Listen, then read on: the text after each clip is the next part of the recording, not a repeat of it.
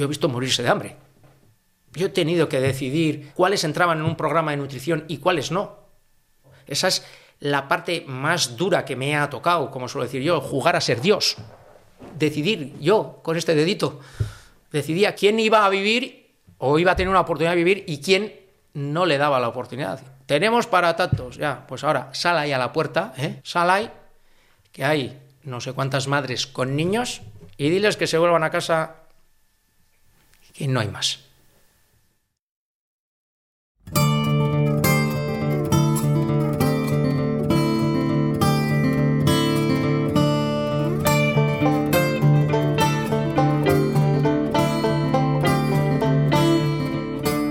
Esto es Estamos Dentro, un podcast producido por Ulu Media para EITD Podcast. Yo soy John Martija y el testimonio con el que hemos abierto la visita de hoy es duro, pero os aseguro que el regusto final que os va a dejar este capítulo es el de la esperanza.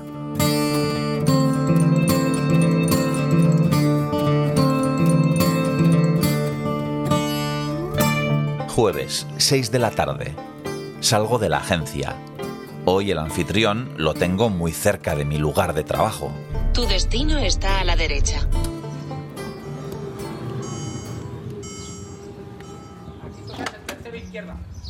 Tercero izquierda. En cinco minutos llego a la zona residencial cercana al Alto Donostierra de Miracruz, donde reside Javier Colomo. Hay algo que nos une. Somos dos tolosarras en el exilio Donostierra. Él me lleva unos pocos años, pero muchos, muchos kilómetros, en el atletismo y en la solidaridad. Dicen sus amigos que es binario, o uno o cero. O se implica al 100% o no va con él. Pero el 100% de Javier Colomo es mucho 100%. Y gracias a su compromiso e implicación al fundar la ONG Amigos Solidarios, se ha ganado el corazón de muchas personas. Aquí, pero sobre todo en África. Buenas tardes. Pues nada, aquí estamos. Grabadora en mano. Está usted en su casa. Gracias. Pase usted. Yo creo que el mejor sitio va a ser aquí en la sala, va a poner todos los... Vale. A lo mejor luego ya... Ahí va, tienes Sí, gato. hay un gato que usted ahora ya le sale corriendo. Ya, yo creo que el mejor sitio igual aquí, ¿no? Sí, esa mesa. En ese continente dicen de él que es un blanco con un corazón negro. No sé de qué color es el órgano que impulsa a Javier Colomo, pero tiene que ser muy, pero que muy grande. Y cerca del bullicio. ¿Eh? Que eso está sí, bien. Sí, que- no, no, aquí estamos a un paso de. a un paso- al final, un paso de todo. Además, ahora nos han puesto lo que le llamo yo un chiquibús Ajá. de estos pequeños. Sí. Lo tenemos aquí y ya eso ya es lujo asiático ya. De aquí al, al centro hasta la avenida. Hoy Javier tiene doble visita. Más allá de Estamos Dentro, también va a venir un fotógrafo, Gorka Rubio, que va a sacar unas fotos del encuentro para el diario Berría, para ilustrar la entrevista que me ha hecho Urtzi Urkizu. Eskerrik asko berria zuen laguntza eta babesagatik. Un poco por el tiro de cámara. Sí, no, bueno, eso ya te digo, como quieras. si Yo... Mira, Maya, hola. Avanti. Con John no habías coincidido nunca, ¿no? Porque no sabía si estaba Ah, Sí, sí, no, todavía no, todavía. ¿Qué tal? Hola, bien. Encantada. La señora de la casa. ¿Qué tal? Bien, Bien, ahí. nada, ahora estamos estamos esperando esperando a que venga al fotógrafo, un ¿no? poco el fotógrafo. Bueno, la foto y luego ya pues Ya, nos ponemos ¿no? a nuestro... Mientras tanto, ¿una pelotita tenéis? O... No, gracias. No, Nada. ¿no? Eso. Opa, Hola, ondo. Gorka. Oi, Keisho. vaya. Hemen jartzekotan ginen, igual, hola, hemen bata bestean ondo, no zu ikusi... Bai, bai, el No sé si quieres con los micrófonos, yo te enseño. No sé si quieres con los micrófonos, o te enseño esto Yo que creería es... con los micrófonos, pero vale. bueno. Vale, no, no, Creo, pero te ¿eh? decía por, por esto. Y luego ahí está un poco toda mi vida resumida y condensada ahí. Bien. Hasta el yo- trabajo. Yo creo que es un poco la idea de... No, no, oye, la, la idea que tengáis vosotros, claro. Sí, al final es ilustrar pues, la entrevista, ¿no? O sea, Sí, que- de cómo, cómo haces tú el esto, ¿no? Sí. Vamos probando. Mi canal, probado. A ver, mi canal. El tuyo, ahí lo tenemos. Ya lo tenemos. Vale. Cosas de la tecnología. Bueno, ya ves que no llevamos mucho trasto, pero sí Pero hay bueno, que llevar. oye, el suficiente. Seguir tranquilamente, Nada. un par de fotos y me la Vale. Bueno, pues vamos a arrancar Ah, ya venga. aquí con la charla con Arrancar Javier en serio, Colomo. decir, ya llevamos un rato Sí, sí, eh, llevamos un calentando ratito. motores. Esto parece el atletismo, Esto es el, como el maratón, ya sabes, es una entrevista de largo recorrido y todavía con el fotógrafo de, de Berría, que nos está tomando unas instantáneas. Que oye, todo viene bien. ¿Eh? Un poquito de promoción. Decíamos, Javier Colomo, una entrevista casi a ritmo maratoniano, porque sí que, como saben los oyentes, eh, estas son entrevistas de largo recorrido, hay que tener tiempo y, paciencia para escucharlas, pero creemos que tienen interés y no estamos mirando el reloj, eh, tenemos eh, muchos aspectos que comentar.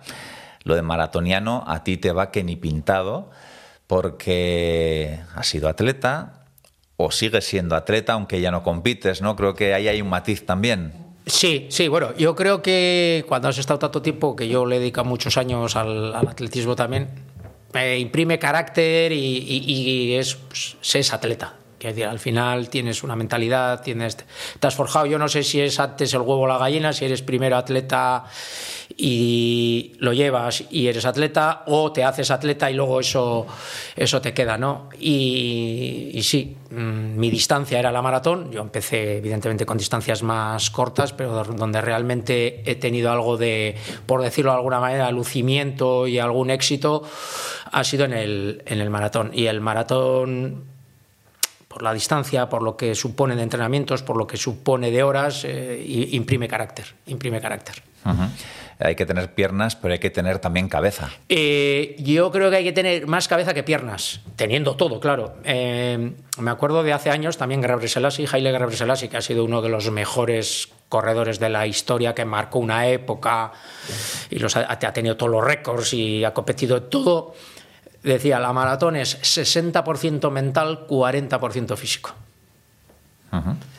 Además, mm, mira, eh, a, mí, a mí al final, porque ahora sigo corriendo, que me decías antes, ¿no? Yo sigo corriendo porque me gusta, porque me viene bien, pero como digo, yo, yo ya he aparcado el crono, salgo a correr sin reloj, más o menos si salgo de casa sé que de aquí a allí, aquí, más o menos lo que quiera hacer por San Sebastián, pues, ah, pues aquí son 30, aquí son 45 y, y si me voy hasta allá me va a costar una hora volver a casa. Entonces, mm, al final también me decían, ¿y por qué te pones, por qué te sigues poniendo nervioso cuando sales a competir si ya pues más o menos lo que tenías que conseguir está conseguido, eres un atleta mao y estás cuajado en esto, le digo, mira, me sigo poniendo nervioso porque solo sé, sé que, es, lo que de lo único que estoy seguro es que va a ocurrir una cosa, que voy a sufrir.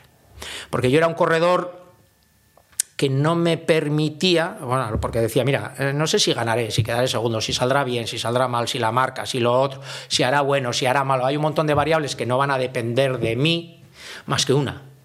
No rendirme en ningún momento y salir a buscar el objetivo para el que estaba preparado, para el que he entrenado, y eso pues te lleva a un punto, que, que- que hay un punto a la carrera que tienes que sufrir, y ese es un sufrimiento que se controla mentalmente, porque además es un sufrimiento que no es que de repente tienes un accidente, te- te cortan un brazo, tienes una herida de mil pares de narices y hasta que no llegas al hospital y te ponen medicación, no puedes reducir ese dolor porque lo tienes ahí. Pero e- ese sufrimiento que tienes a partir de ciertos kilómetros y tienes que mantener el ritmo o tienes que intentar apretar, tu mente te está diciendo que si te paras, se te ha pasado. Entonces, y si quieres conseguir el, el- el objetivo o la marca, pues tenías que, que mantener ese ritmo, esa presión, ese, y ese sufrimiento y ese dolor físico, que es un dolor más, es un dolor físico, pues lo tienes, lo tienes que ganar. Y claro, eh, yo creo que es lo que da, lo que realmente da miedo. Yo, a veces cuando me dicen, oye, y morirte y tal, digo, a mí morirme no me da miedo. Morirme, pues si un día me muero, que bueno, un día me voy a morir como todos, para bien o para mal. El morirme o la muerte no me da miedo, me da miedo en todo caso el sufrimiento, el dolor, el tener ahí mucho dolor durante mucho tiempo. Yo creo que eso es lo que realmente nos da miedo. Lo demás, pues bueno, ocurre y ya está, ha ocurrido y es como desconectarte, ¿no? Si te mueres aquí ahora de repente uno de los dos, pues, pues, pues bueno, daremos pena probablemente a los que nos rodean, pero, pero nosotros no habremos sufrido ni sentido nada, ¿no? Hombre, Entonces, esperemos yo- que no se nos muera nadie en pleno podcast. sería, sería la noticia del podcast. Y no es cuestión de que pues, la noticia sea esa. No es plan, no es plan. Bueno, está esa faceta deportiva mm, por la que pasaremos más o menos de puntillas, porque no es la más importante de Javier Colomo, pero oye, eh, que ha sido campeón de Europa de maratón He en sido- categorías por encima de por 40. encima- he sido eh, campeón de Europa en categoría de más de 45 en maratón, subcampeón en más de 45 de media maratón y dos veces subcampeón del mundo de maratón en más 40 en más 45, no, en más 40 y en más 45. Y cuando uno cruza una meta de un campeonato de Europa, de un campeonato del mundo, primero, segundo, aunque sea máster, aunque sea más 40, más 45, me imagino que el subidón tiene que ser brutal.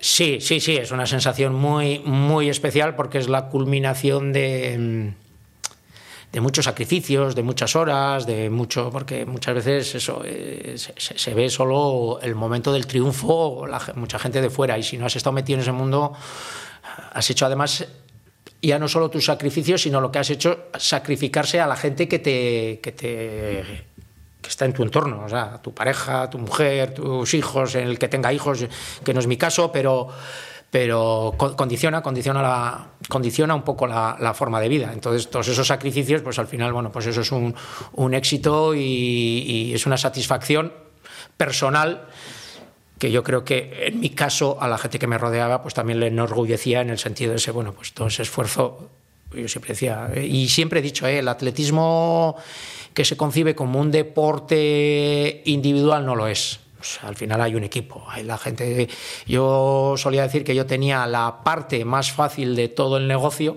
porque yo solo tenía que correr a mí tenía entrenador que me decía lo que tenía que hacer. Tenía un fisio, que bueno, pues un masajista, amigo, que ibas, da, la gente que te acompaña, el grupo de entrenamiento.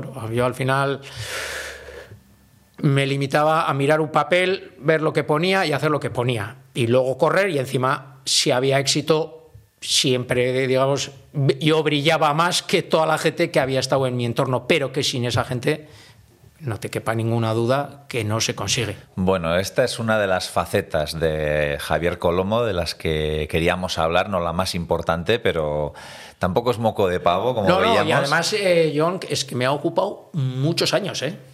Muchos años. Y muchas horas y muchos kilómetros. Muchas horas, sí, sí, muchas horas, muchos kilómetros, mucho condicionar, como te digo. Y esta que, me, que, que sé por dónde vas a venir ahora, pues un poco se solaparon. Llegaron casi, pues no sé si por circunstancias o por lo que sea, se solaparon durante un tiempo y, y- y fue el momento en el que hubo que cambiar la balanza. Bueno, pues por un lado ya estaba, lo otro que iremos a hablar ahora requería de mucho más tiempo y entonces, bueno, pues administra- administración de, de tiempo libre. Cambiaste de metas eh, y de maratones mm, como profesional ingeniero. Como profesional ingeniero. Que también tiene que ver algo, creo, con cómo has encarrilado luego eh, esa faceta solidaria, porque algo de, de la electricidad también, mm, como eh, punto de partida, algo hubo por ahí, ¿no? Bueno, eh, como punto de partida eh, fue que un misionero, José Carlos Rodríguez, que anda por ahí, es un, es un crack de- que trabaja para Naciones Unidas y un experto en resolución de conflictos también, pues en un, tenía que haber ido, pues de estos cruces de caminos yo ya había hecho antes, porque había estado también con el padre Ángel Olaran de Hernani, había estado en, en Bucro, eh, había diseñado un proyecto de energía para el hospital de Bucro, de energía y agua caliente a través de energía solar.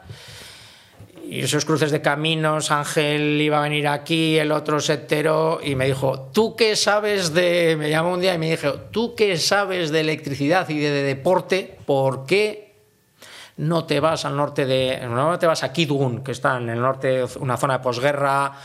¿Por qué no te vas allí que hay una mujer, que luego me enteré toda la historia, porque luego las piezas su- suelen ir encajando, empiezas a tirar un poco del hilo, del hilo, del hilo, y te viene toda la, toda la madeja, ¿no? ¿Por qué no te vas allí y a ver qué puedes hacer? Y dije, bueno, oye, pues voy, porque al final esa, esa era, ese suponía también un, un reto para mí, porque yo ya llevaba unos años traba- colaborando, pero siempre había ido a sitios donde había organizaciones ya establecidas, alguna ONG establecida, entonces yo iba, oye, yo me ofrezco a esto, si os va bien, voy y os echo una mano como técnico, y luego nada. Y en cambio, este era un viaje que yo iba solo a un sitio al norte de a Kidgun, que está en el norte de Uganda, donde no había ninguna organización. O sea, yo llegaba allí con un papel, un teléfono y un, y un nombre y no sabía ni lo que me iba a enco- bueno sabía lo que me iba a encontrar una mujer con tantos niños que tiene ahí un medio colegio tal y cual dije bueno pues bueno puede ser puede ser un reto personal el, el ir y el volver con- cuando entonces bueno ahora no es que sepa mucho más inglés pero entonces tampoco yo fui un poco saba y dije bueno pues me atravieso un país yo solo y a ver cómo me desenvuelvo cómo voy y, y- y cómo vuelvo y que y ahí y ahí se lió se, se- Se lió la, la- la que todavía continúa la que liada, todavía continúa aliada, sí, sí. Entonces, ahí que llegas a, a Kitgum, en el norte de Uganda, como nos decías, y cuando te vas a ir, claro, eh, 135 Cinco niños, y niñas mirándote. Sí, sí, y esa cómo- fue, cómo una no noche, fue, una, fue una noche traicionera, fue una noche traicionera. Por eso la ONG que luego creé y que ahora sigue funcionando, siempre digo, es la historia de una pregunta y la consecuencia de la respuesta. Porque yo allí fui, pues bueno, dije, bueno, pues yo llegué allí y dije, bueno, pues, pues vamos a ver qué se puede hacer. Que yo ya era consciente que una persona solo, sin saber muy bien qué te ibas a encontrar ni nada, pues realmente puedes hacer poco más allá si vas con intención de recabar datos, conocer la situación y bueno, y ver, yo estuve allí tres semanas, en aquella ocasión tres semanas, porque acabé de hacerlo poco. Y lo único que conseguí fue arreglar un poco una instalación eléctrica básica, o sea, básica, cualquier casa de nosotros tie- tiene bastantes más luces, porque luego no había nada más, ¿eh? solo cuatro bombillas y no, no buscaras enchufes ni nada, que cualquier casa de las nuestras tiene que todo aquel colegio para 135 niños. Un colegio con 135 niños, eh, te vas a ir y, la profesora te lanza Sí, una pregunta. Sí, sí, sí, aquella fue, por eso te digo, la tradicional. Dos días antes de, de, de- de volverme, que estaba yo ahí metido en, bueno, en casa, yo a esos sitios les llamo casa, estaba en casa, era una choza allí donde, donde estaba viviendo dentro del colegio, que me dejaron allí. Y, vino una niña además y me dice, oye, que salgas un momento que Teddy quiere hablar contigo. Bueno, pues salgo. Salgo y, y me encuentro además debajo un mango, porque además es que todo era como una parafernalia muy significativa en África, porque pasa, en África muchas cosas pasan debajo de los árboles, pero por la sencilla razón de que dan sombra y, te re- y se reúnen ahí porque no tienen, eh, no tienen eh, culturecheas ni cosas de estas para reunirse. Entonces, igual las asambleas se hacen eh, debajo del árbol y, y ahí estaban y encima era el atardecer, que es otro momento como mágico en, en estos países, por, además por la ubicación. Esto es el Ecuador, las puestas de sol. eh, se, se da ahí de repente una parafernalia más la que tú mismo te medio montas o se te genera la gana y los tenía a todos por allí rodeados y, y, y Teddy allí y bueno pues bueno pues digo bueno me van a dar las gracias o me van a hacer alguna cosa de estas tal pues me empezó a hacer las pues eso las gracias les empezaba me, me consiguió emocionar me- bueno ya habéis visto Javier aunque sea blanco tiene el corazón negro porque es el primero porque antes sí hubi- hubo organizaciones en los peores momentos de la guerra y tal, sí había habido organizaciones, por lo, por lo que me dijo Teddy, nadie se quedaba en el colegio. Pues las típicas que iban, entregaban, y esta además era una mujer como como sin gran organización y con, y con poca y con muy pocas ayudas. Entonces, bueno, eh, agradecieron mucho que, que- que yo me quedara a convivir con ellos, comiese con ellos, comiese lo de ellos y no hiciese nada. Bueno, pues eso, las- a- agradecerte, tal cual, vale, pues, pues, pues, pues perfecto. Yo digo, bueno, pues pam, pam, pam. y de repente me dice Javier, ¿nos puedes ayudar? Luego te cuento más, ¿no? Javier, ¿nos puedes ayudar? Esto los oyentes no lo van a ver, pero yo en ese momento, así como estamos tú y yo, de frente, me dices, Javier, ¿nos puedes ayudar? Hago así para atrás y así miro así alrededor, 135 niños allí por el suelo. Yo muchas veces pienso, no sé si tenía que haber respondido eso o no, pero me volví y le dije, Teddy, yo lo único que os puedo prometer es que lo voy a intentar. Claro, eso me sale, igual me salió porque yo había estado conviviendo, no había ido allí, sino había vi- convivido con ellos. Durante tres semanas te, te- ubicas, te das cuenta de todos los problemas, te cuentan todas las historias, eh, encima es una zona de posguerra, encima los 135 niños tenían una discapacidad o una deficiencia, eh, eran sordos, con lo cual todavía peor. Eh, había un par de niños también, Bosco, que no se me olvidará en la vida, que aquel niño había sido maltratado, o sea, todo lo que te puedas imaginar y tal, cuando se lo encontraron estaba atado a un árbol, comía sus propias heces, cuando se le trajo al colegio no aceptaba ni la ropa, no aceptaba ni la ropa, no, no quería ropa y tal. Y un niño muy, muy, muy especial que yo solo le vi sonreír. Había un perro en el centro y cuando le dejábamos pasearle al perro con la correa era el único momento que sonreía. Entonces, cuando conoces todas esas historias, cuando conoces a los críos, cuando has vivido allí, pues, pues, pues, pues no sé, te hace ese clic el cerebro, no me preguntes por qué. Hice eso y creo que todavía el sudor frío no se me ha pasado. Mm, suena encerrona, ¿eh? Sí, sí, sí, no, no, suena encerrona, suena encerrona, bueno, cuando En el buen sentido, en eh, el sí, buen sí, no, no, porque además entiendes, ¿no? Eh, porque claro, tú al final, eh, cuando te hacen esa pregunta, tú también te cuestionas, es que yo no soy nadie, quiero decir, yo no represento a nadie, yo en aquel momento también, quiero decir, en mi trabajo soy un autónomo. Si fuese el presidente de no sé qué conglomerado de empresas o de alguna empresa importante o un banco o alguien que tiene o que puede tener recursos de responsabilidad social corporativa y en un momento dado vuelvo a mi empresa y digo, oye, nosotros aquí, ¿dónde estamos ayudando? ¿Tenemos algo de...? Lo vamos a poner. Yo, autónomo, como cualquiera de los que nos están escuchando, una persona y dices, pero claro, porque al final dices, no, no, cualquier cosa de estas, al final, quieras o no, todo co- con ideas no se come y con ideas hay que materializarlas y vas a acabar en el dinero. Poco o mucho, eh, como cualquier proyecto, en cualquier lugar del mundo. Será más barato, será más caro, será lo que sea. Y entonces, pues, pues, pues eso, entras ahí en encerrona y eh, te das cuenta que ellos se tienen que agarrar a un clavo ardiendo, a un clavo ardiendo, o sea, tienen que pedir, tienen que pedir. De esas cosas luego sacas muchas conclusiones y cuando yo he estado con gente allí, cuando hablo aquí, cuando doy alguna charla aquí, y cuando estás con gente que se te acerca o que quieren ir de voluntarios, yo siempre digo, hay que medir, cuidado con lo que se con lo que decís y con lo que prometís. Es mucho más honesto cuando estás allí y alguien te pide, es mucho más honesto. Tiene, lo primero tienes que ser honesto contigo mismo de saber en qué te quieres implicar o en qué no te quieres implicar. Eso ya es una decisión personal que yo no voy a juzgar. Pero luego lo que tienes que tener muy, muy, muy claro es qué vas a prometer. Y siempre es mucho más honesto un no, sincero, y sincero me vale porque te la trae floja o porque no quieres ayudar, digamos por ponerlo en el lado malo, no, porque no puedo, lo de no puedo o dejo de poder es todo muy relativo, porque yo me acuerdo también, volviendo a lo de antes de correr, cuando yo iba con la lengua afuera, o yo creía que iba con la lengua afuera en entrenamientos de dos horas, de 30 kilómetros, dándome con el látigo, en el buen sentido de la palabra, Ramón, mi entrenador, y cuando le empezaba a decir, Ramón, que no puedo más, que no puedo más, siempre me decía, cuando empiezas a decir que no puedes, te queda un 10%. Entonces eso de no poder, no tengo tiempo, tal, es cuestión de prioridades, que como te he dicho, yo no las voy a juzgar. Entonces lo que te decía, hay que tener mucho cuidado con lo que se promete, porque es mucho más honesto y mucho menos dañino un no que un sí no cumplido. Hay que saber en qué contexto estás, con qué gente estás, porque un sí de algo que vas a prometer, si no lo prometes en aquellas zonas, lo único que generas es frustración. Igual le dices un no, se dan media vuelta y piensan, bueno, lo he intentado, sigo con mi vida.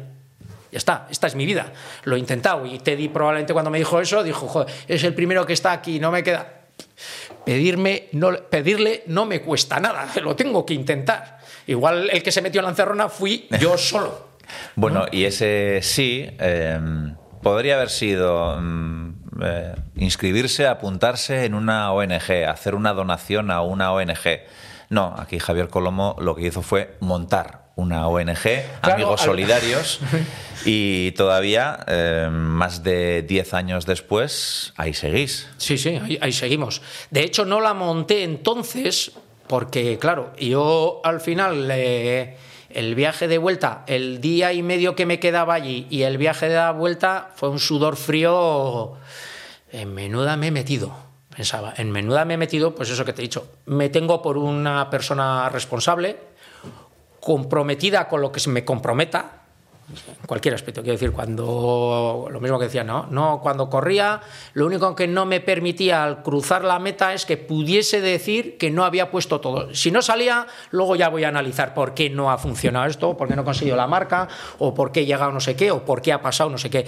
Pero en el análisis no podía entrar la variable de, ostras, como sabía que iba a empezar a sufrir en el kilómetro 32, pssst, levanto el pie y Que me- y que me he dejado ese 10% Ese me sin he dejado dar. ese 10%, no, no, tenía que llegar mm, muerto. Entonces, y sí que me, igual no me habré comprometido con muchas cosas en la vida, pero con las que me he comprometido, eh, me he comprometido al 100%, ¿no? Cuando volví, dije, bueno, no sé si lo voy a lograr, porque claro, ese discurso que ahora tanto se oye y cuando voy a los colegios y tal, y con cosas de estas, ese de si lo intentas, lo logras, si luchas y lo conseguirás y tal, y lo lograrás y tal, y lo lograrás, no, lo intentas y casi nunca sale, porque si no sería muy fácil. Esto es Pero- culpa de Nike, ¿eh? de todas Eh. formas. Hablando de atletismo, Sí, sí, de Nike, pero, pero te digo también lo que me decían a mí. Mira, Javier, nadie te puede prometer, y esto son todo, el atletismo, la vida tal, hay empiezas a sacar muchas semejanzas, ¿no? Y sacas muchas, y si, y si desde joven estás metido en el atletismo, yo hablo del atletismo, que no digo que otros deportes no pase, que probablemente bueno, probablemente no estoy seguro, pasa lo mismo. Si no le das a la zapatilla, en el momento que no das el pie de atrás, no va adelante, no le puedes decir a otro, corre de mi parte, te va a decir el juez, no, no, no, este no puede correr de tu parte, corres tú. Entonces, lo que te decía, pues es esa parte de compromiso de todo y, yo decía, bueno, pues el, lío en el que me he metido es que por lo menos si no sale será porque he hecho todo lo que estaba en mi mano y no ha salido. Por eso te decía ese discurso. Y tienes que estar preparado para el fracaso. Por eso esos discursos de, de lo haces y lo lograrás y tal, y lo lograrás, ¿por qué crea frustración? Porque lo he, lo he intentado. Y- incluso haciéndolo todo y, no ha salido. Por eso te decía que esa enseñanza también me viene en el mundo del atletismo, pero los entrenadores siempre me han dicho, a ver, hay que tener claro una cosa. Nadie te puede prometer que haciendo todo lo que tienes que hacer y todo lo que te vamos a decir que tienes que hacer, lo vayas a lograr.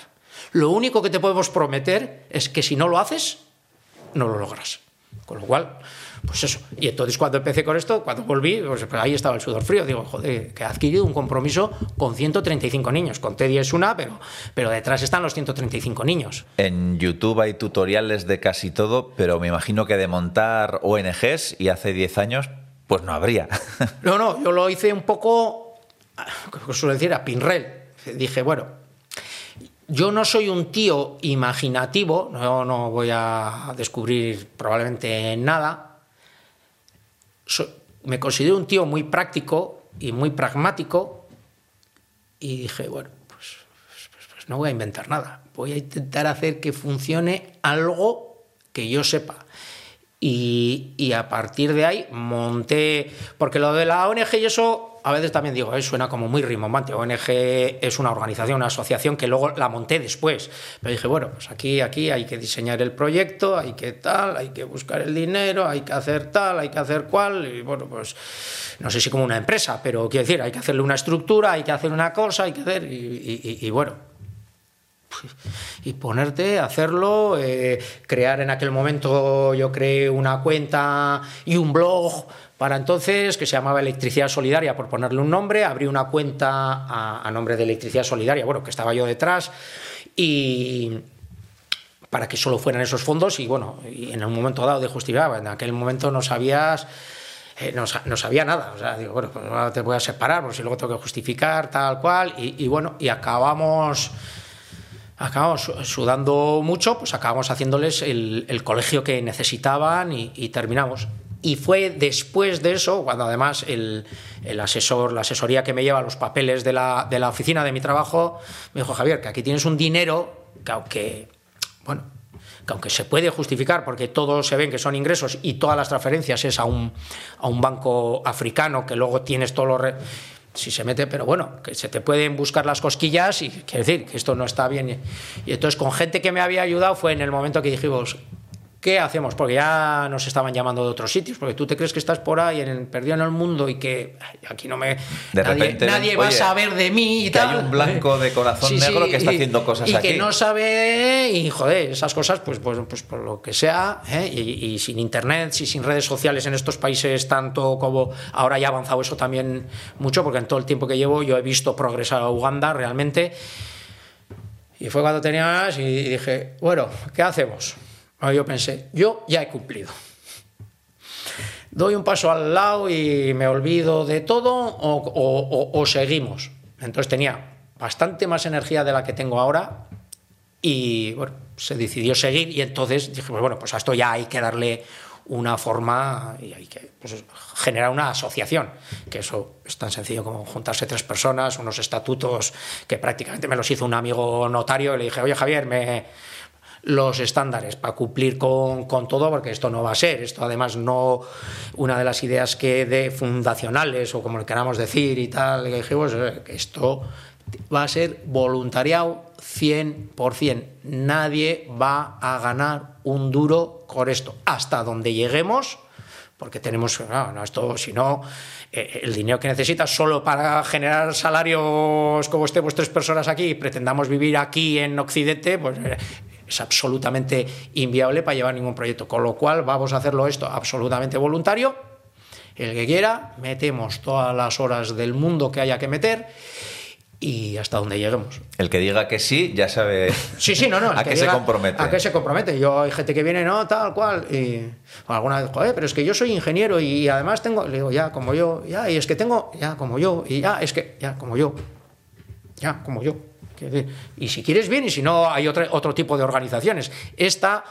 eh, hemos decidido que sea así y hasta donde lleguemos, pues porque además si no sería inviable un, salario de cualquier persona, aunque le hagas el mínimo interprofesional. Una vez a uno decía, pero si son, le digo, con el dinero que me estás pidiendo, hago todos los pupitres de un colegio. Hago todos los pupitres de un colegio. Y ahora con el tiempo, pues bueno, ya hemos creado una estructura allí de gente allí, hemos formado gente allí, ya tenemos gente allí y tal. Y las horas y esas que decías, yo tenía ahí en el ordenador, en la pared de enfrente, un POSIT hasta las 2 de la mañana. Y arrancaba como todo pichichi normal, pues para las 7 de la mañana levantado para, para estar a las 8 en el trabajo. Pero bueno, ahora ya va más- un poco más rodado y, y- y ahí estamos, todavía estamos ahí. Y esa ONG se llama Amigos Solidarios, eh, su web amigosolidarios.com, Sí. con una S solo. Sí, sí, porque además eh, eso también fue idea de, pues, pues de otra amiga que trabajaba en marketing y tal y cual. Y, y al principio, pues pensando, pues no le vamos a poner sin fronteras, o con la frontera vas aquí o vas allá. Y yo dije, joder, pero es que esto, hablando con ella, me dijo, joder, pero si sale, sale de vuestro propio ser, de tu, de vuestro propio, de tu propio ser cuando esto. Porque claro, cuando yo volví, lo que te decía antes también dices, bueno, vale, ideas y colegios y ayudar a niños y tal, y proyectos y todo. ya, pero cuando tú eso lo quieres materializar, al final acabas necesitando dinero. Quiere decir, será más caro, más dinero, menos dinero, pero dinero, dinero.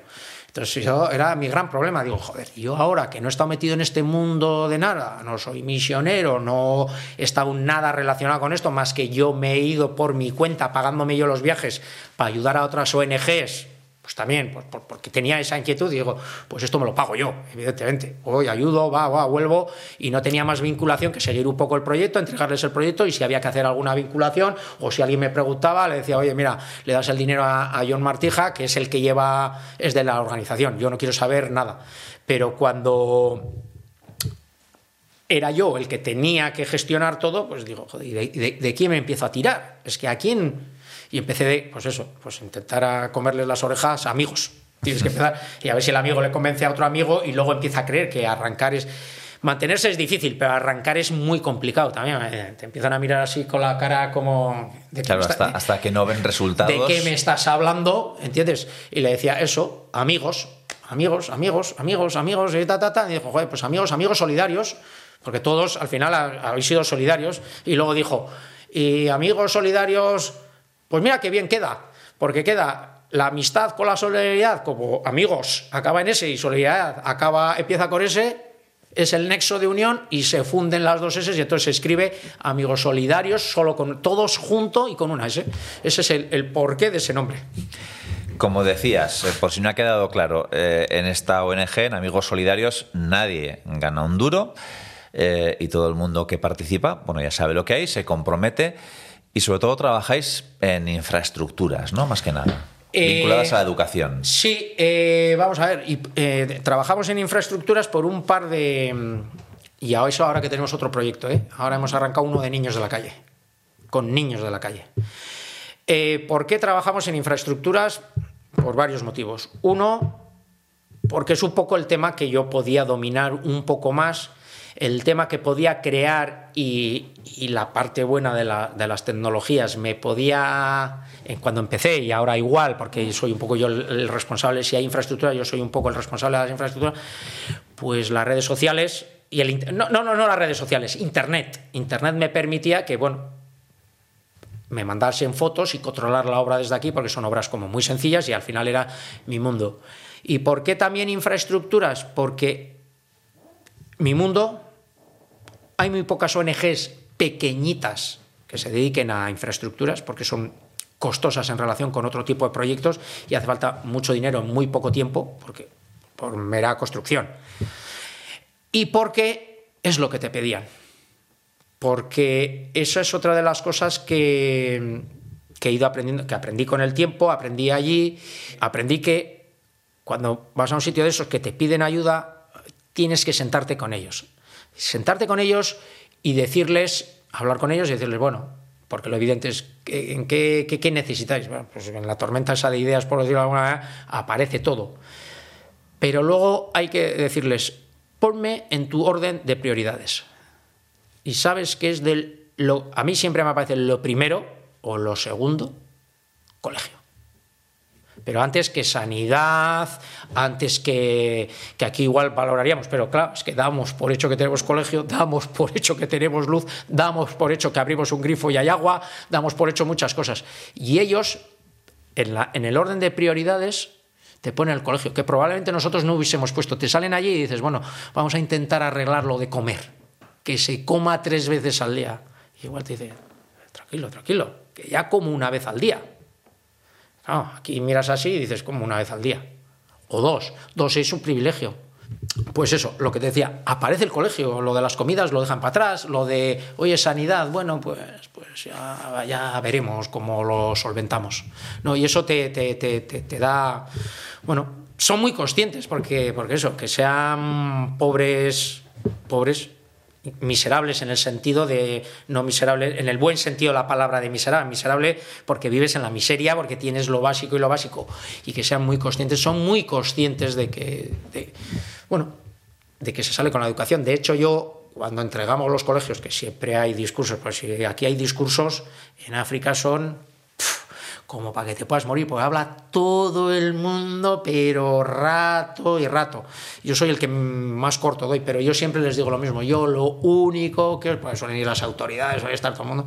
Yo siempre solo digo, a las autoridades lo único que les pido es que apoyen, pues colaboramos con las autoridades locales a pequeño para que luego eso sea sostenible, para traspasárselo.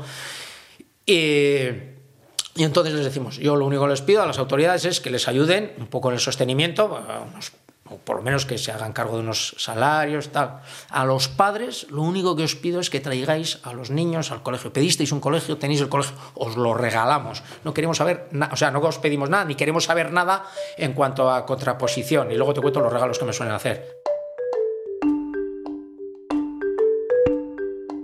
Nos salimos del carril central de esta charla para visitar el despacho que tiene montado en su casa Javier Colomo, desde el que idea y desarrolla los proyectos a llevar a cabo con amigos solidarios.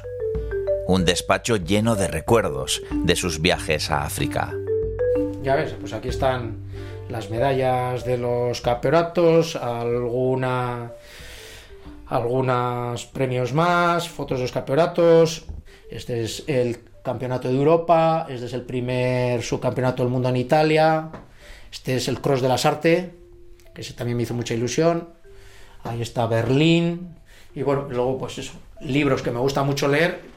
Me voy quedando con los libros que me interesan, ¿eh? tenía muchos más que los, que los regalé, que nos regalé ahí a una librería que hay de segunda mano aquí en Gros. Sí. También, oye, tenerlos, pues que ya no me, ya no me, me quedan, me voy quedando. Están un poco por temáticas o por historias. Ahí está África, viajes, aquí también. Y luego un poco mucho literatura.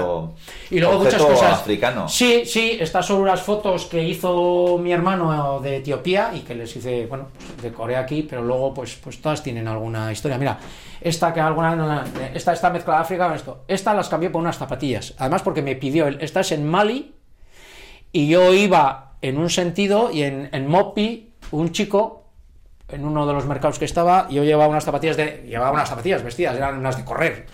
Y me dijo, "Joder, te cambio esas zapatillas por un, por una careta. Le digo, vale, pero hay un problema, que las necesito porque todavía iba hacia Tumbuctú y le digo, "Eh, a la vuelta, vale. Y a la vuelta cambiamos. Y él se llevó un tesoro y tú otro. Ah, me imagino, joder, para él sería, un- un- para él sería un, un tesoro. Esta, esta lanza que es Tuareg, esta la compré en, la cogí en, en Tumbuctú, esta, esta me costó una tarde y no sé cuántos test. No, no era el dinero, ¿eh?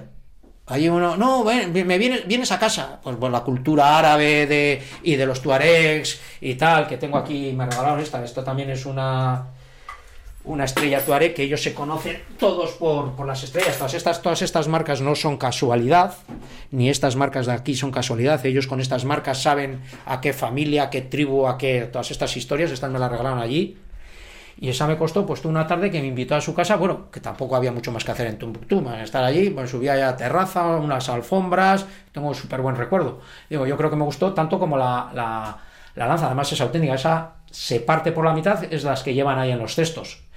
Y bueno, pues ahí estuvimos tomando té, charlando con aquel hombre, tal, esta otra me la regalaron, esto me lo regalaron también en por unas pilas. Toma. Le digo, no, no, que yo no quiero nada, hombre, toma. No, no, llévate esto, te regalo esto, pon, pon unas pilas para una linterna que... Pues muchas historias hay por ahí ocultas. Luego esto, pues eso, un crucifijo cristiano, pero está también el árabe. Estos son unos instrumentos, estos me los regalaron en el colegio de los niños. Que esto es una especie de guitarra, bueno, un instrumento, no sé qué, ahora no me acuerdo qué, qué nombre, qué nombre es, pues caretas, pues, pues, pues, pues de los sitios que ha pasado, caretas, Amaya siempre me suele mirar cuando vuelvo qué, qué, qué has traído. Y esto es de, también, esto es de Etiopía, de las ortodoxas, y se... Seis horas de misa. Y puede estar así. Más que la escuela, lo que más ha influido en la asistencia al colegio, tanto de chicas y sobre todo de chicas, de, tanto de chicos como sobre todo de chicas, por un diseño que hicimos de, en las letrinas tipo que ellos tienen allí, nosotros le hicimos un diseño, fueron las letrinas, más que el colegio. Y ahora te dicen, antes de que me, ahora ya, que ya llevamos tiempo trabajando, cuando contactamos, antes que empezar la obra por lo que es el aulario, el edificio de aulas, letrinas. Letrinas. La higiene es muy importante porque, evidentemente, si no, se generan muchas enfermedades. Y sobre todo con las chicas, para intentar, hemos reducido o hemos mejorado todo el tema de, la regla. En el sentido, bueno, pues en la concienciación, se hacen programas de concienciación, tienen que venir los padres, están obligados porque si no están como amenazados que las niñas no van a venir al colegio. Al final tienes que hacer ahí un juego, se hace. Y para intentar quitar un poco el estigma hasta donde, hasta donde se puede, ¿eh? que no somos en naturalizar. Y hicimos, hemos hecho un programa y, y- y vas aprendiendo el camino, ¿no? Porque yo me acuerdo la primera vez que hicimos este programa de entrega de compresas y todas las compresas las o las fabricamos allí o las compramos allá. ¿eh? Nosotros eh, otra de las de las cosas fundacionales como ideario es no llevamos nada de aquí. Todas las soluciones las tenemos que encontrar allí para que sean sostenibles, porque si pasa algo se pueda solucionar allí. Pero de estas cosas que das por el primera de crea que se me había ocurrido la idea genial, pues ya había encontrado una empresa ahí a FreePath que hace que hace compresas desechables Dijo, se me ha ocurrido la idea genial, soy un fenómeno, tal cual, y venga, pues ya está, ya, este, ya está solucionado, es financiarlo y que les den, y en nuestros colegios, que a nuestra, las niñas de nuestros colegios, que por lo menos tengan. Y la primera vez estábamos allí en la entrega, que además yo nunca hago ninguna entrega de nada, no me gusta esa imagen de, de rey mago, estoy ahí, pero porque tengo que controlar, pero siempre que los protagonistas sean ellos, yo soy una, un, o nosotros cuando estamos más de uno, somos los ayudantes, estamos allí. De repente me doy cuenta que empiezan a repartir y alguna, cuando se empieza a explicar la compresa y tal, caras raras en las chicas. Y de repente se me encendió la luz. Dije, vaya cagada, colega, vaya cagada. Si no tienen bragas o no tienen, como decíamos en mis tiempos, yo no sé si te acuerdas de esta palabra, los culeros. Sí, no tienen claro. culeros. No tienen culeros. Y dices, claro, yo le voy a dar una, una compresa donde se la pone. Entonces ya, bueno, pues mejoramos. De estas cosas que tú das con pequeños detalles y cosas sencillas, que consigues mejorar muchas cosas. Hemos conseguido en nuestros colegios, se perdió con la pandemia, porque se cerraron los colegios, retrasar los embarazos. Porque mientras van a estudiar, Mm, hay, hay excepciones, como todo, de padres, ¿eh? no, no estoy diciendo que es la fórmula mágica, pero los padres también saben que les están ofreciendo un futuro mejor a sus hijas. Entonces, si mientras tú puedas seguir yendo a estudiar, no te vas a casar, o te vas a casar más tarde. Javier, eh, ¿en cuántos lugares trabajáis más allá de en Kidgum, en Uganda? No, Y- Kidgun, a- ahora eh, trabajamos en Kidgun, terminamos en Kidgun, nos fuimos a, a Buyagali, que es una zona que está más... Kidgun está al norte de... cerca de, bueno, relativamente cerca de la frontera del sur Sudán. Luego nos bajamos a, a Jinja, cerca de Jinja, Buyagali, que Jinja es el nacimiento del Nilo. Y ahora estamos, eh, nos movimos al distrito de Alau, que es otro de los más pobres de, de Uganda, la zona rural, que es el distrito de, de Luca, y allí este año, estas navidades, hemos entregado el último colegio que estábamos en, construcción y que ha sido un proyecto que ha dado posibilidad de escolarización o de continuar en los colegios o acudir a unos colegios mínimamente dignos a 3.500 niños. Hemos entregado ese colegio y el primer año de la pandemia, no estas navidades, las anteriores, Sí. que estuve allí, ah, había un problema que nosotros ya lo, bueno, pues ya lo conocíamos y tal, pero no le habíamos, valga la expresión, no le habíamos metido mano ni nos habíamos enfrentado a él. Sabíamos que estaban ahí, pues te, te puede dar todas las penas del mundo, pero con la pena tienes poco recorrido. Y luego lo que te decía también al principio, ¿no? Dices, ostras, sí, problemas hay mil y no puedo con todo. Entonces tengo que tal. Y ya me habían comido, me habían comido la oreja Irene, que es la secretaria, y en un viaje que vino a Maya, también con unos niños de la calle. Y me llevaban más de un año o dos casi comiéndome la oreja. ¿No podemos hacer algo? ¿No podemos hacer algo? ¿No podemos hacer? No, no tenemos dinero, no tenemos tanto dinero, no tenemos dinero. Pero la pandemia que lo complicó todo, no, Claro. nos lo complicó a nosotros, imaginaros allí, porque aquí nos complican cuando das el paso allá, es exponencial, es exponencial. Y llegué allí y pues otra de estas cruzadas de cables de lo único que te puedo prometer es que lo voy a intentar. Llegué allí, no les había dicho nada a ellas, llegué allí y con nuestra gente de allí, nuestra, lo que se llama nuestro socio, nuestra contraparte, en el mundo de la la contraparte, que son la gente de allí que trabaja allí, la ONG o la organización de allí. Y esta es Anet, le dije, Anet, venga, vamos a darle forma a esto a ver qué podemos, qué no podemos, vamos a preparar unos programas, vamos a empezar algo, vamos a hacer, vamos a hacer unos presupuestos de lo que puede suponer eh, un- unos primeros pasos, hay que empezar a tratar con los niños, no, son niños sencillos tampoco, porque nos ha costado mucho la primera parte, que es ganarte la confianza, tal, porque, porque desconfían. De hecho, nos dimos cuenta que desde las primeras conversaciones que tuvimos con ellos, ahora que ya están con nosotros, por decirlo de alguna manera, ya confían en nosotros, nos habían mentido en todo, claro. Nos habían mentido en todo. Todos los datos eran falsos, todas las direcciones eran falsas, claro. Son niños que han sufrido mucho, cualquier aberración que os podáis imaginar, y más, y violencia, toda la que os podáis imaginar, y más, y en la pandemia eran el saco de las tortas porque pagaban, la policía les pegaba y tal. Y desde hace, pues eso, desde, llevamos un año entero, el año pasado entero, y lo que va de este año con niños.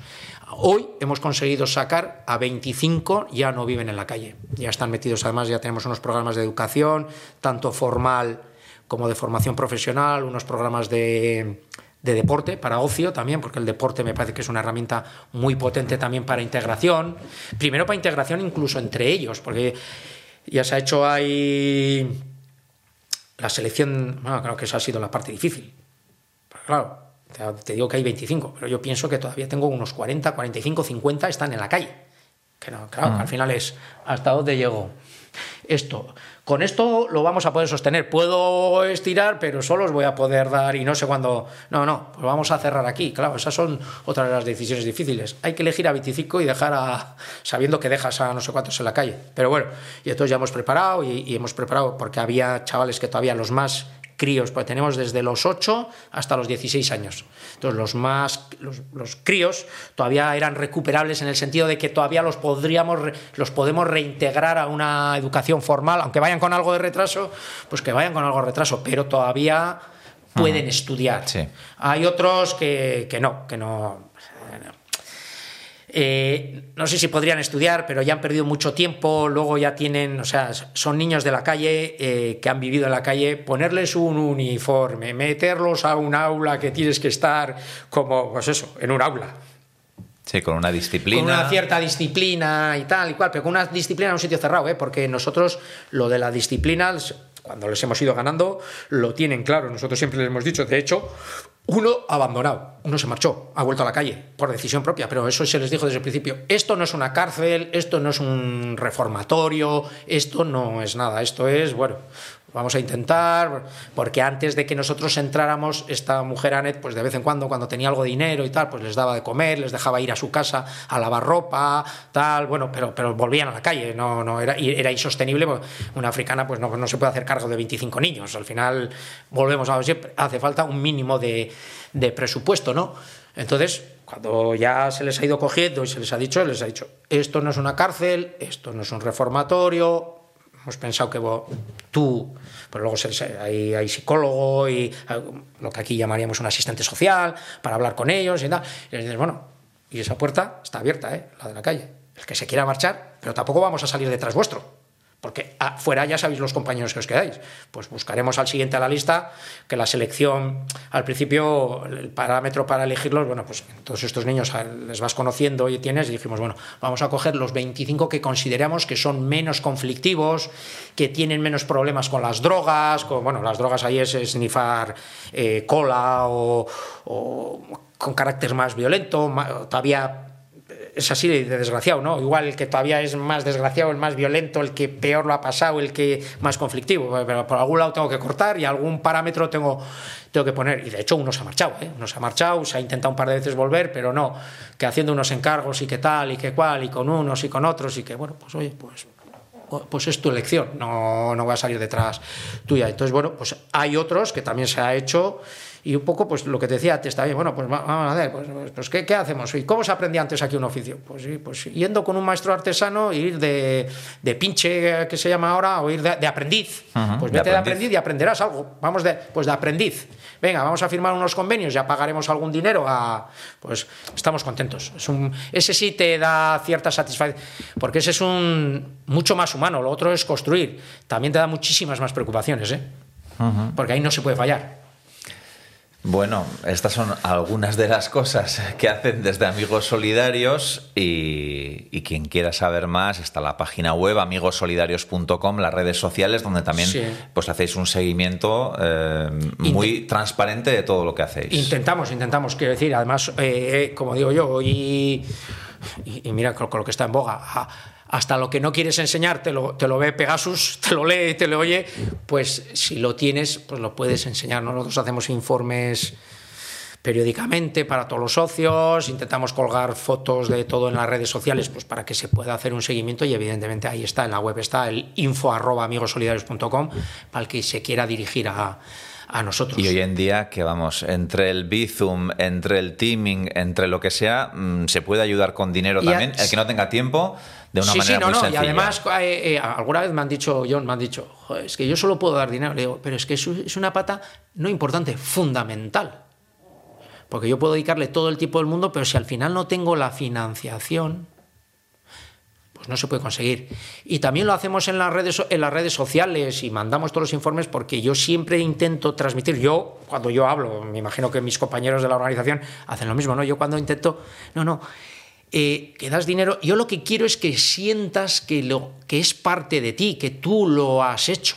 O sea, que tú lo has hecho, que esto lo hacemos entre todos o no sale o no sale. Entonces, siente, tú has ayudado. Yo, y además siempre he dicho, yo no me voy, es que es, es poco, es que yo solo te puedo, yo nunca me voy a atrever a juzgar qué es poco y qué es mucho, eso sabe cada uno porque todo es relativo. Todo es relativo. Yo siempre he dicho que no importa cuánto, importa cuántos. Bueno, y todo esto, para finalizar, como decíamos, de una pregunta, ¿no? Javier, ¿nos puedes ayudar? Sí. Pues vaya, si has ayudado y... Bueno, he hecho lo que he podido. has He hecho, lo sí, que has sí, podido. he hecho lo que he podido. Y el 10% más. Bueno, eh, no sé si se podía hacer más, pero bueno, sí, sí, no. eh, en ese sentido, eh, no me recrimino nada. Sinceramente, no me recrimino nada. He hecho. Y eso que noto que, me baja la energía, que necesito relevo, que tal. Las cosas se han vuelto a complicar. La pandemia ha complicado todo porque, pues porque la situación económica nuestra ha empeorado. eh, la gente pues se ha vuelto más reticente a donar, ha entrado miedo y, y si estábamos saliendo de la pandemia y ¡pum! Viene Ucrania y todos el foco ha cambiado. Ujú. Ya nadie mira a África. Toda la, esta, esta semana pasada me dijeron, bueno, esos están ahí, ya les ayudaremos, eh, siempre estarán para ayudarles. Digo, o no, porque se habrán muerto. Yo he visto morirse de hambre. Yo he tenido que decidir qué niños comían y cuáles no. O sea, cuáles entraban en un programa de nutrición y cuáles no. Esa es la parte más dura que me ha tocado, como suelo decir yo, jugar a ser Dios.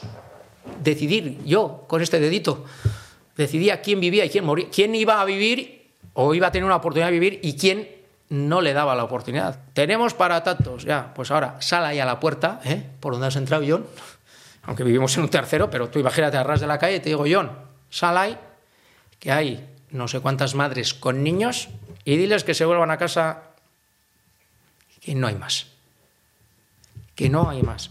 Y sabes que algunos niños esos no volverán cuando haya más, pero porque se han muerto de hambre.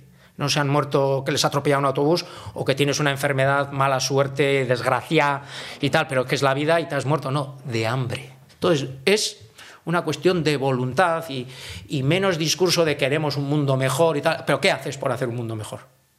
Se pueden hacer cosas, cada uno a su medida, no, no te eches todo el mundo a la espalda, porque es lo mismo que yo, si no podría estar amargado, tengo 45 en la calle, no, me voy a centrar en los 25 y si en un momento dado de los 25 puedo pasar a 27, pues pasaré a 27, pero me quedará. Y me quedan colegios por hacer y nos quedan no sé qué por hacer, pero bueno, hacemos esto, esto es lo que podemos, esta es nuestra cuota, yo quiero pensar que esa es mi cuota de responsabilidad o la que yo he adquirido, que el que no la quiere adquirir, bueno, no le voy a criticar en absoluto, pero tampoco le voy a admitir queremos un mundo mejor y no hago nada porque sea un mundo mejor, no, no, aquí tenemos que hacer, no puedes confiar en otros entes y todo se puede hacer, y vuelvo a insistir, no importa cuánto, importa cuántos. Gracias, Pues, yo, porque con- si no, con- si no, esto puede ser eterno. Con ese mensaje nos quedamos, que no importa cuánto, importa cuántos. Javier Colomo, lo dicho, muchas gracias. Gracias a vosotros.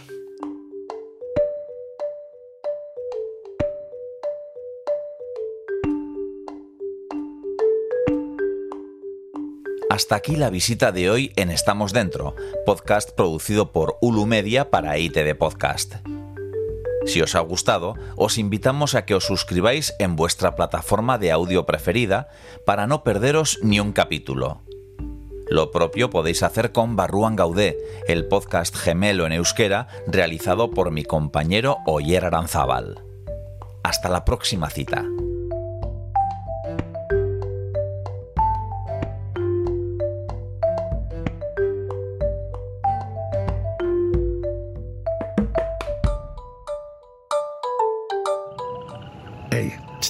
Entzun hori.